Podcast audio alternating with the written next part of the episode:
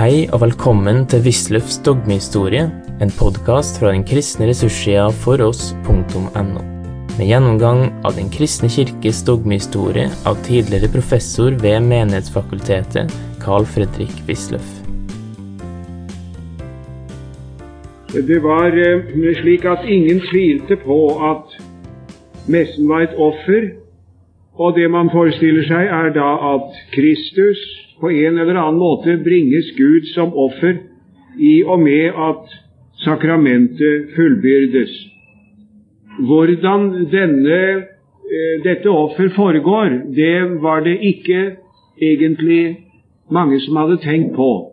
Dette skal jeg komme tilbake til litt senere, når vi skal ha ettertridentinsk katolsk teologi for oss. Men eh, det, var, det lå liksom et åpent land her. Eh, skolastikerne de hadde skrevet veldig mye om transsubstansiasjon, for det var omstridt. Der hadde Berengars kjetteri rystet Kirken. Men når det gjaldt eh, messens offer, så hadde det ikke vært noe tilsvarende anfektelse fra noe hold, egentlig. Så at messen var et offer, det var det ingen tvil om. Og Luther han eh, går da inn i grunnen på et område som lå forholdsvis åpent. og var en relativt lite teologisk refleksjon som hadde funnet sted på det punkt. Men Luther, altså, som mener at man skal forstå alterets sakrament ut fra innstiftelsesordene, og som videre oppfatter innstiftelsesordet som evangelium. Han kan ikke forestille seg at det på noen måte kan være et offer. Det er vi som skal ta imot, ikke Gud, sier han. Og Derfor er messeofferet å korsfeste Kristus på nytt. For det første sånn at det avslører seg som egenrettferdighet. Man kommer til Gud med noe som dog er forsonet i Kristus og for det andre på den måten at man forestiller seg å ofre Kristus, og det er jo skjedd en gang for alle. Da kan man ikke tale om det, mente, mente han. Eh, vi går da videre, side 117 her, punkt 8. Nå er det slik at eh, man kalte messens offer et ublodig offer, og skjelnet der mellom Golgata-offeret, som var et blodig offer, og messens offer, som var ublodig. Eh, oblatio cruenta, oblatio incruenta. Blodig, ublodig. Jeg siterer her Biel. Undre nostra oblatio non est reiteratio sua oblationis, sed representatio. Merk dem det stedet. Det er ikke korrekt å si at katolikkene lærer at Golgata-offeret gjentas. Der bommer protestanter ville vekk. Til og med teologer som burde vite bedre, sier at katolikkene lærer en gjentagelse av Golgata-offeret i messen. Det gjør de egentlig ikke. Idet man altså distingverer mellom blodig og ublodig offer. Det blodige offer gjentas ikke. Og der siteres ustanselig mange, mange ganger i middelaldrende, også hos Biel, det sjette kapittel i Rombrevet, niende vers er det vel, eh, hvor det heter at etter at Kristus er død, så dør han ikke mere. Det er ikke noen gjentagelse av, av, av eh, det at han dør på korset. Men det er en representatio. Det blir på en måte nærværende. Hva man mente med det, er veldig vanskelig, for spørsmålet var ikke stillet rent pregnant enda. Og Når da Luther anførte Hebreerne 10,14, hvor det står at han en gang for alle eh, hengitt seg på korset, så svarte hans katolske motstandere at det treffer ikke.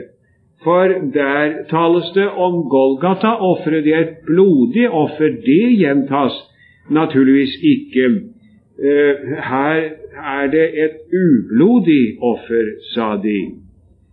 Til det svarte Luther tilbake at det der er uh, uten noe skriftgrunnlag.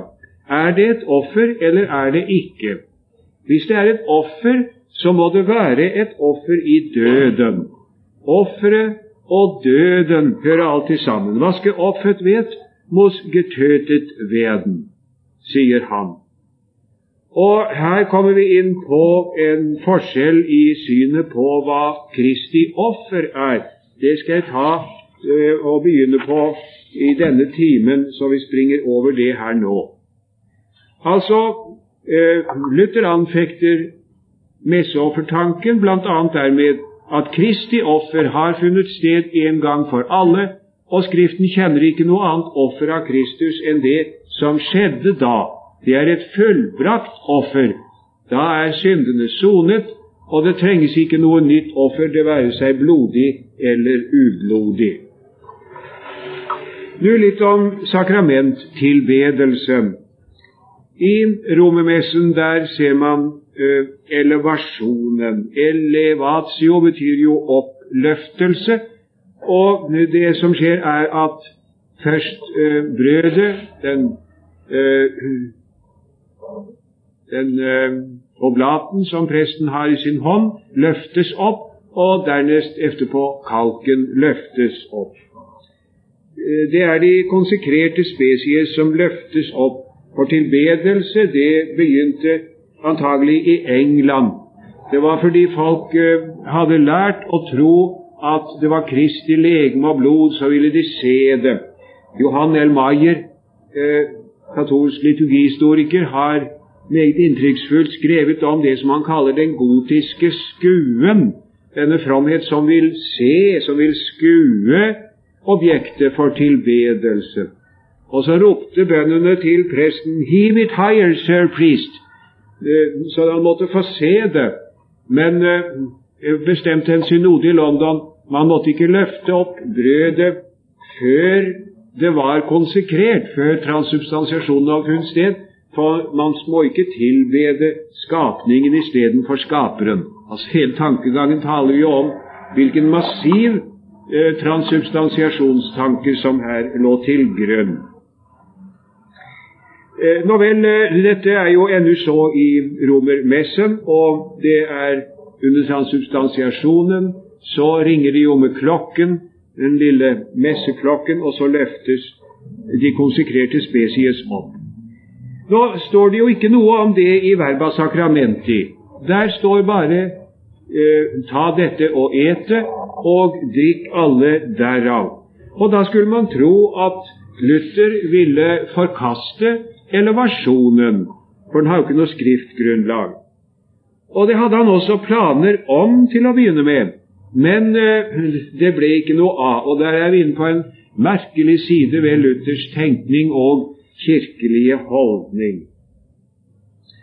For det første så eh, utsatte han stadig dette her med å avskaffe elevasjonen eh, av hensyn til sin medarbeider og venn opprinnelig og senere bitre fiende Karlstad. Karlstad, som voldte ham så mange bekymringer eh, som det heter i Skriftet videre, de Schwamgeister von Bilden noen Sakrament, begynner det noen valtes godt. Ich glaubte schon, es wäre ausgestritten. Dann fängt es wieder an. Dr. Karlstadt ist vom Glauben abgefallen und ist unser ärgster Feind geworden. Ja, og Karlstad han, eh, han, han, begynte altså med dette. Han avskaffet, eh, avskaffet elevasjonen. Eh, for det er synd, sa han. Nå, eh, det, det, det virker altså faktisk som om Luther der gjeninnfører den på trass. Det var efter det som foregikk mens han var på Wartburg, vet De. Da det var slik oppstuss i Wittenberg, så Luther kom tilbake og satte tingene på plass igjen. Da gjeninnførte han elevasjonen, og det virker som om han var irritert over at Karlstad hadde gjort det beint fram. Han hadde vel ellers kanskje gjort det selv, hvem vet. Men eh, fordi Karlstad sa at det var synd, så ville han holde på den, sier han, bare på trass. Han sier faktisk det. Bare på trass, så trots, ville han holde på den.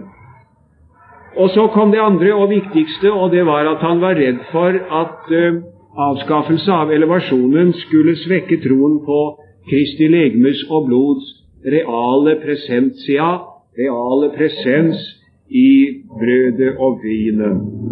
Eh, det begynte jo å komme så mange merkelige mennesker, og etter hvert kom Svingli, og så kom andre til, foruten Karlstad, som nektet at Jesu legeme og blod er i brød og vin. Og hvis da Luther avskaffet elevasjonen, mente han, så fikk eh, kanskje disse da vann på sin mølle og sa som så. Så det Luther har også begynt å tvile nå. Det ville han ikke ha på seg, og så holdt han på elevasjonen. I strid med sitt grunnsyn. Og det var jo en del av hans medarbeidere som fant pinlig, blant dem var Bogenhagen, som så sitt snitt til å avskaffe elevasjonen en gang som Luther var ute og reiste, så da han kom tilbake, så var det gjort. Og Luther fant seg knurrende i dette. Han ville ikke stride med onser Bischoff om nichts, sier han i et brev, men i et annet så sier han jeg lurer på om jeg skal gjeninnføre det igjen. Det gjorde han imidlertid ikke. Og Bogenhagens resonnement, det var vi får preke for folk og muntlig forklare dem hva som er sannheten. Vi kan ikke opprettholde bibelsk sannhet ved hjelp av ubibelske seremonier. Luther hadde jo ut fra sitt grunnsyn egentlig ingen innvending å gjøre mot det resonnement. Den reale presens av Kristi legeme og blod har Luther alltid hevdet med dyp overbevisning. Eh, men dette punkt fikk bredere og sterkere plass i hans teologiske produksjon i annen halvdel av 1520-årene og utover, fordi han da altså fikk med alle disse å gjøre, som han mye for summarisk kalte for svermerne. Og Dermed skjer det også en forandring i hele hans opplegg i grunnen og skrivemåte. Så lenge han argumenterer imot eh, transsubstansiasjon og mot konkomitans og mot messeoffertanken, altså i begynnelsen av 1520-årene, så lenge er han original. Da er det nye tanker som kommer sprudlende som av en kilde. Men i annen halvdel især, i disse skriftene mot uh, svermerne, der er det annerledes. Der henter han i stor utstrekning frem gamle argumenter. Han siterer med eller uten kildeangivelse, som regel uten, uh, skolastiske autoriteter og gjengir deres resonnement. Det har lurt mange Luther-lesere opp gjennom tidene, for man har tilbøyelighet til å tro at alt det Luther sier, er så veldig originalt. Mange som har uh, gått i den fellen. Det er det slettes ikke. Han har mangt som han har overtatt. Han som andre, han som vi alle.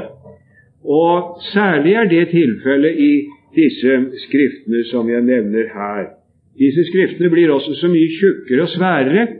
I begynnelsen så gjorde han narr av disse som skrev sånne svære, tjukke bøker. En måtte kunne klare seg med mye mindre, sa han.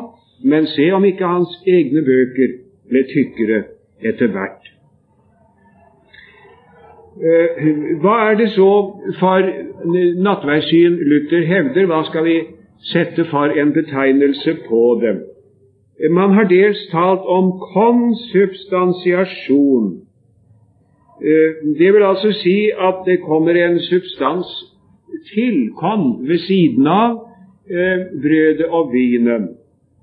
Det er brød og vin, men in sum og køb eh, in sub og kum brødet og vinen er Kristi legeme og blod.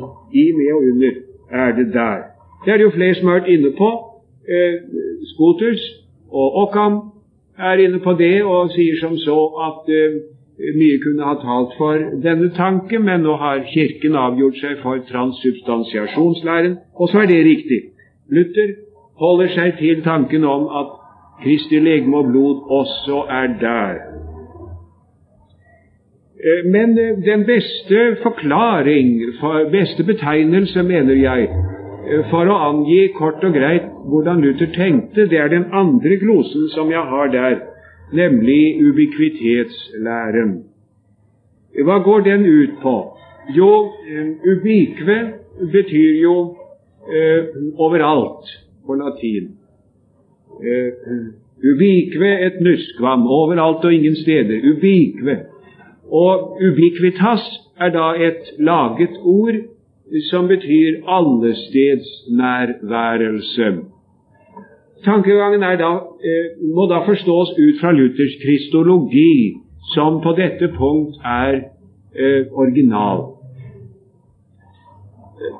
Luther sa at på grunn av eh, den hypostatiske union, dvs. Si, enheten i Kristi person mellom den guddommelige og den menneskelige natur.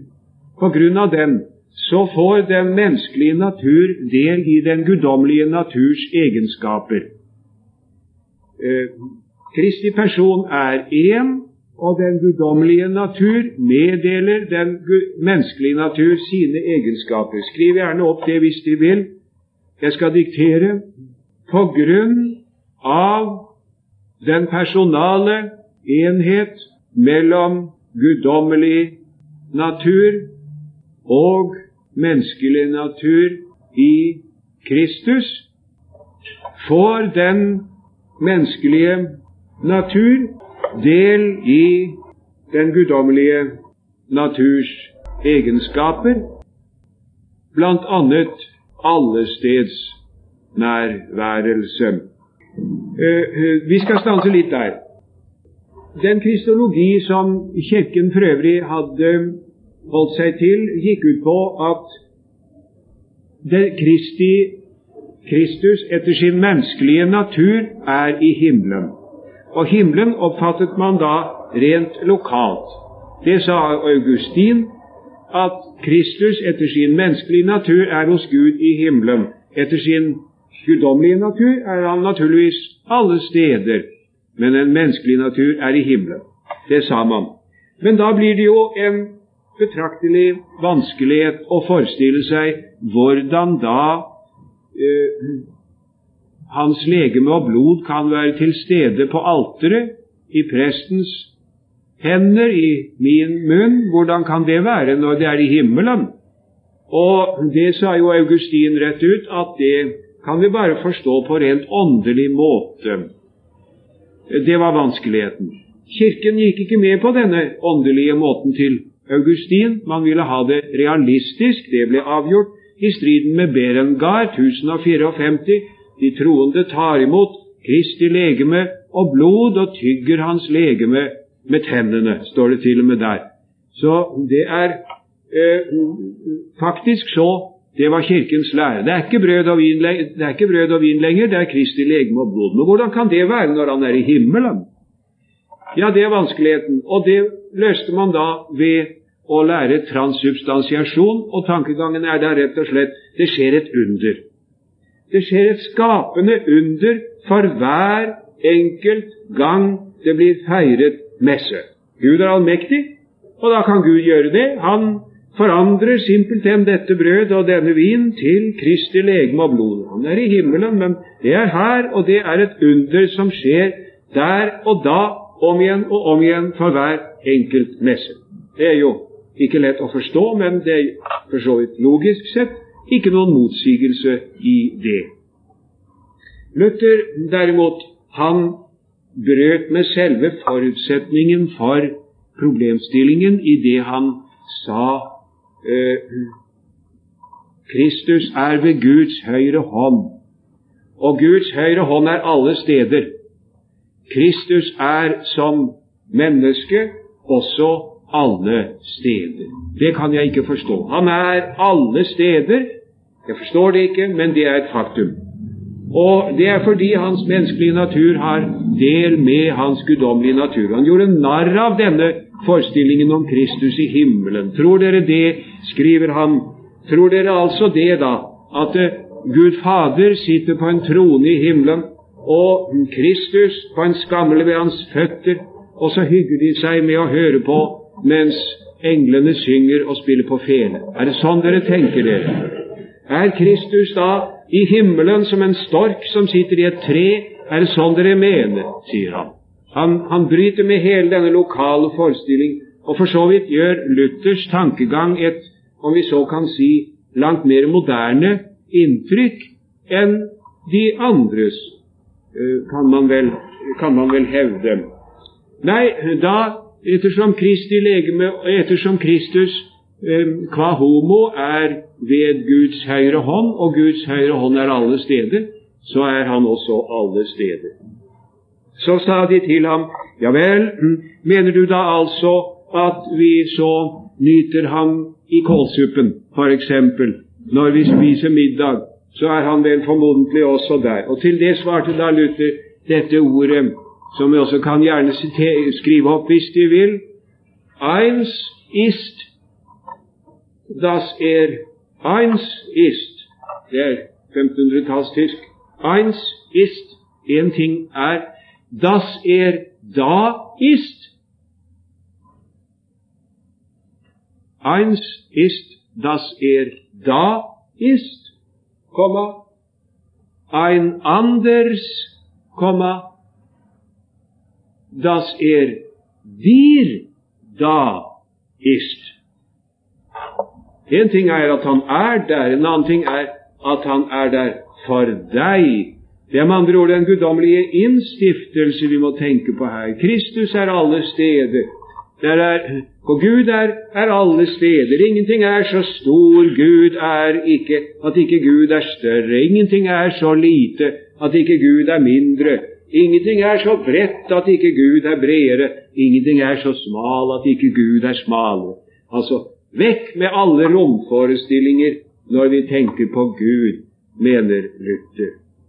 Så det er da uh, ubiquitetslæren som Okkan hadde vært inne på som en mulighet, men som Luther uh, utpensler i sine skrifter mot svermerne. Uh, han eh, sier for den saks skyld ikke at det er sånn. Eh, det gjorde lutheranerne siden, og det er dette syn vi finner i Konkardieformelen, som er luthersk læreskrift. Eh, dog ikke vår kirkes læreskrift. Men, eh, han, men, men for, for, å gjøre det anskuelig hvordan man kan tenke seg det, så, så, nevner han dette. Men man får jo nok følelsen av at det er hans syn, og med all rett taler man da faktisk om Luthers ubikvitetslære. Viktig punkt, det der. Jeg har hengt på nærmest her eh, anhang om eh, Luther om gjenfødelsen. Det eh, skulle jo like gjerne ha vært satt før, for så vidt, hvor vi hadde om dåpen. Men det er ganske viktig, det også. Luther taler om gjenfødelse i tre forskjellige sammenhenger. For det første i forbindelse med dåpen. Dåpen er et gjenfødelsens bad, og den sakramentale realisme hos Luther når det gjelder dåpen, er ikke mindre enn når han taler om nattverd. For det andre er gjenfødelsen og troen nøye knyttet sammen. Ordet gjør like som dåpen et middel til menneskenes gjenfødelse. Guds ånd ved ordet påvirker menneskenes hjerte, og det blir født på ny. Og For det tredje har Luther en eiendommelig tanke om at Eh, den gjenfødelse som begynner ved dåpen, den er fullført eh, etter min død, når jeg dør salig. Jeg har sitert litt her, som vi straks eh, skal ta. Jeg har gjort det fordi at jeg gjerne ville sette i relieff Luthers lære om dette i relasjon til en som er sterkt utbredt hos oss, og som i hvert fall til dels har grundtvigsk eh, bakgrunn. Nemlig at gjenfødelse det er noe som bare har med dåpen å gjøre. Det er jo ganske vanlig å høre hos oss. at gjenfødt, det blir vi i dåpen. Så kan man vel falle fra det så, men da eh, kan man ved omvendelse og tro komme til eh, Kristus igjen og fornye pakten. Men det heter ikke gjenfødelse. Gjenfødelse det er bare i dåpen. Sånn er det veldig vanlig å høre hos oss. Det sa Odland, og det sa Hallesby, og det er jo ennå stadig mange som lærer. Det svarer ikke til, eh, svarer ikke til en eldre oppfatning i lutherdommen. Det svarer ikke til Gisle Jonsson, det svarer ikke til Pontoppidan det svarer ikke til de ortodokse lutherske teologer som tenkte annerledes. Pontoppidan sier enhver oppvekkelse til et nytt liv er en ny fødsel. Uh, enhver oppvekkelse til et nytt liv er en ny fødsel. Altså, Vi tror på en fødelse i dåpen. Da vi var spede og ble døpt, ble vi gjenfødt. Det er nådens under. Den som da ikke blir i dåpens pakt, men faller fra, kan fornyes til omvendelse ved ordet og gjenfødes ved ordet. Han oppvekkes på nytt til et nytt liv. Så spør man da gjerne, akkurat som de reformerte gjør, om man kan bli gjenfødt mer enn én gang. Do you really think you could be born again again? Det har jeg da hørt så mange ganger. Eh, fra, fra, reformert hold, kalvinistisk hold. Der er ikke dåpen som er gjenfødelsens middel, egentlig, men det er altså da i, i uh, omvendelsen. Og den som da er uh, gjenfødt, han faller jo ikke fra. En gang frelst, alltid frelst. Do you really think you could be born again again? Det kan man ikke. Og på, helt mot, fra motsatt hand kommer en del lutheranere og sier man kan da ikke bli født mer enn én en gang, og derfor heller ikke gjenfødt mer enn én en gang. Til det er jo da å svare at det er eh, eksakt eh, Nikodemus' resonnement. Kan jeg annen gang komme inn i mors liv og fødes? Mens Jesus taler om åndens virkning. Eh, og Pontoppidan sier enhver opp oppvekkelse til nytt liv er en ny fødsel. Jeg vil be dem der kikke efter i Norsk kirkehistorie, eh, tredje bind, eh, side 307 og side 484 og 485. Og jeg har behandlet dette punkt i norsk leirtradisjon opp til nå. Eh, med dette som bakgrunn, la oss se på hva Luther sier. Jeg siterer fra en preken. Derfor hører en ganske ny fødsel med. Luther preker om Johannes 3,16. En som er bedre enn den alle mennesker får, om de er keisere, konger, de viseste og mektigste på jorden. Men det må være en slik fødsel at en kan si det er en fødsel av Gud, sånn at han er både far og mor, det vil si at han ved sin guddommelige kraft virker i mennesket det som naturen ikke makter, og gir et nytt lys, en ny forstand og et nytt hjerte. Det skjer på den måten at mennesket hører evangeliet om Kristus, som er åpenbart ikke av menneskelig forstand og vilje, men åpenbart og preket ved Den hellige ånd. Og når mennesket av hjertet tror Ånden, da er han unnfanget og født av Gud, som Johannes sier, den som tror at Jesus er Kristus, han er født av Gud. Og så videre.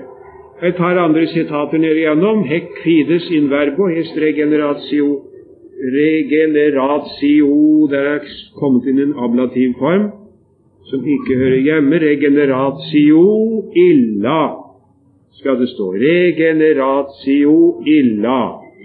Jeg fralegger meg ansvaret for den ablativen. Hek fides din verbo est regeneratio illa. Eh, der Glaub ist diese Verneuerung. Og i Deutsche Bibel, eh, forordet til romerbrevet, eh, meget representativt sted, med andre ord, hos Luther.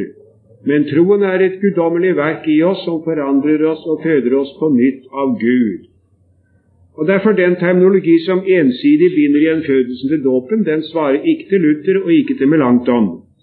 Den svarer eh, ikke til eh, eh, hva det står i Concordi-formelen heller, Gjenfødelse brukes stundom likt med vivificatio, levendegjørelse, curenium homo per fidem, eh, quam quidem solus spiritus sanctus operatur, operatur, justificatur id ipsum revera est quedam regeneratio.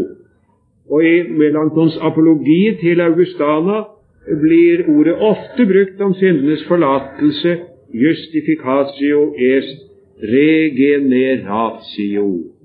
Altså, eh, verken Luther eller Melanchthon eller den første Lutherdom låste gjenfødelsens begrep terminologisk ensidig fast ved dåpen. Den hadde en mer vid og nyansert anvendelse av ordet. Vi går over til å se på Luthers lære om forsoningen. Det er der et uh, hovedpunkt som vi må feste oss ved, og vi skal dernest se på en tolkning av Luthers forsoningslære som har vært mye fremme i den teologiske debatt i vårt, uh, vårt hundreår. Det vil si det var helst i mellomkrigstiden. Nå hører man ikke så mye om det lenger, men la det være nevnt her allikevel. Altså først hva er Luthers lære om forsoningen? Forsoningen er jo da Kristi gjerning. At Kristus kom til verden for å gjøre syndere salige, og gjorde opp saken for oss idet han døde på korset og oppsto på den tredje dag. Kristi gjerning, det er forsoningen. Men hva ligger det i den? Eh, jeg har sitert der Katekismus Romanus, som eh, er, eh, sier akkurat det som den katolske tradisjonen har sagt og sier. Satisfactio nihil aliud est quam injur injuri Det skal komme inn en i der. Injuria alteri ilata compensatio. Satisfactio nihil aliud est quam injuriae alteri ilatae compensatio.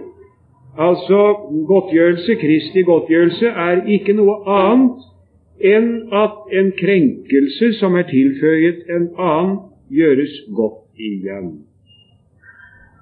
Gud har litt en krenkelse, og det må gjøres godt igjen ved en frivillig ytelse som oppveier den urett som er blitt Gud tilføyet satisfactio condigna equivalens sive ad equalitatem justitiae. En rett satisfaksjon som svarer til rettferdigheten, hva rettferdigheten krever.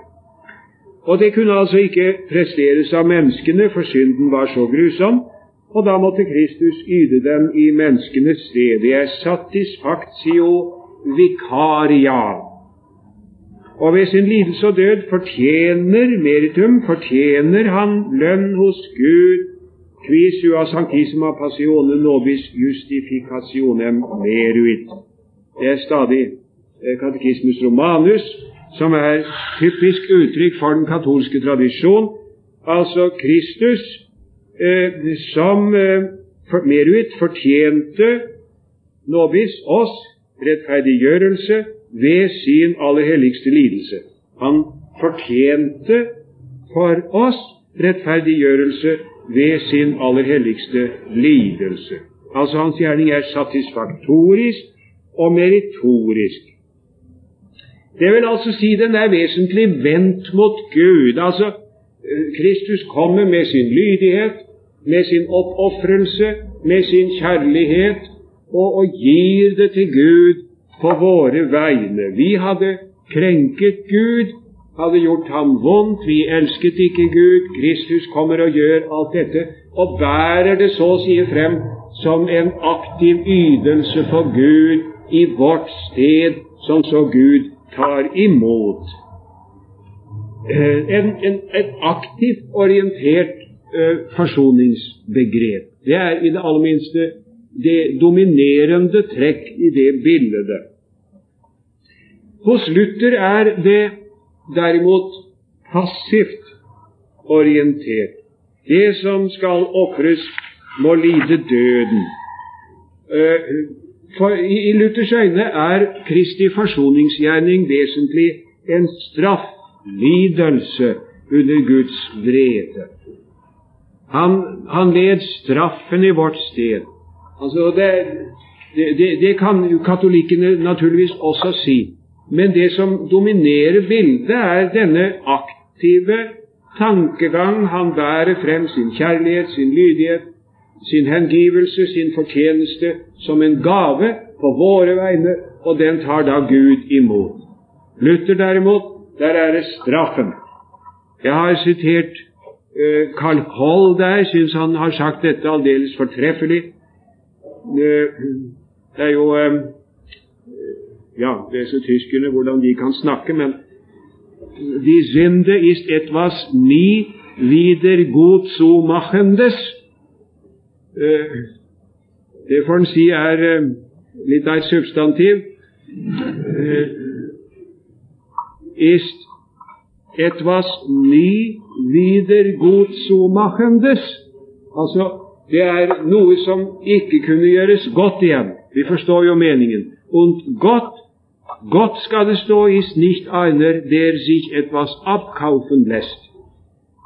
Synden er noe som ikke kunne gjøres godt igjen, og Gud er ikke den som man kan kjøpe noe hos. Luther liker ikke den tanken om satisfaktio. Det er begynnelsen til all elendighet og styggedom i pavedømmet. Det sier han. Dette er med tanken om satisfaktio, at vi kan gjøre godt igjen. Vi kan ikke gjøre godt igjen, for synden er så grufull. Ikke Kristus engang kunne gjøre godt igjen. Det var bare én ting som måtte skje, det måtte straffes. Nå saltes de strafe evig dulden. Det er Guds siste ord til synderen når han taler i sin vrede, i sin hellighet. Du saltest de synde, de, de strafe, du saltest de strafe evig dulden. Og så bar Kristus straffen i vårt sted. Det er forsoningen Kvia ira dei non potuit placari nisi talie tanta victima kve est filius Dei. For Guds vrede kunne ikke stilles tilfreds unntagen ved et sådant og et så stort offer som er Guds egen sønn. Ira det, Guds vrede er ordet der, og straffen som han var. Alius pekavit, alius penam tulit. Den ene syndet, den andre var straffen. Pena eller pøna. Eh, altså, De vanlige latinske gloser kan nok dukke opp også hos Luther. Eh, satisfactio og meritum, men, men de er begrepsbestemt ut fra en sammenheng som er Luthers egen. Satisfactio betyr da straffelidelse og meritum er Hans nåde. Jeg har nevnt en iakttagelse her som jeg synes er eh, verd å ta med. Eh, Kristi lidelse på korset. Eh, Erik Fogelsang har skrevet om det, meget eh, klargjørende. Det er fra Luthers salmeforelesninger ikke minst du finner disse tankene. Um, Tradisjonen lærte, det finner vi hos Thomas f.eks., at Kristus hadde visio beatifica, den saliggjørende skuen av sin himmelske Fader, endog under korsets nød. Eh, det er, som jeg nevnte også i Teologia Deutsch, disse to Kristi øyne, det ene som var alltid rettet imot Faderen, sånn at endog i lidelsen og elendigheten og i gudforlattheten på korset, så var i grunnen allikevel tross alt Kristus alltid hos Gud. Han hadde visio beatifica. Men uh, Luther han går veldig langt. Det reiser seg jo underlige spørsmål. Han sier Adeo Ad se maledictum sentiat inconscientia. Han følte seg dømt av Gud i sin samvittighet. Det, det blir gått til veis ende altså i denne tanke at Min Gud, min Gud, hvorfor har du forlatt meg? Og det, det er jo sammenheng i disse ting. Jeg mener, hvis forsoningen egentlig er en kjærlighetens ytelse fra Kristi side, som så Gud Fader tar imot, da er jo forestillingen om en ubrutt visio beatifica helt på sin plass. Men er det derimot tale om en strafflidelse under Guds vrede, da blir det vanskelig å opprettholde denne forestillingen. Naturligvis, her reiser det seg mange vanskelige og merkelige spørsmål. Og det må også sies at Luther, når han taler strikte om tingene, alltid passer på å si at det var efter sin menneskelige natur at Kristus led. Det er tradisjonell kirkelig kristologi som han alltid fastholdt. Men underlige tanker kommer inn om Sønnens straffelidelse i vårt sted. Og når jeg nevner det her, er det for å få satt det så klart frem som jeg mener det fortjener, at hos Luther er forsoningen straffelidelse. Du solltest die Strafe ewig dulden. Det er Guds ord til deg og meg. Kristus bar straffen i vårt sted. Det er forsoningen. Du har nå hørt Wisløffs dogmehistorie. Finn flere ressurser og vær gjerne med å støtte oss på foross.no. Følg også gjerne noen av våre andre podkaster, f.eks. Table Talks.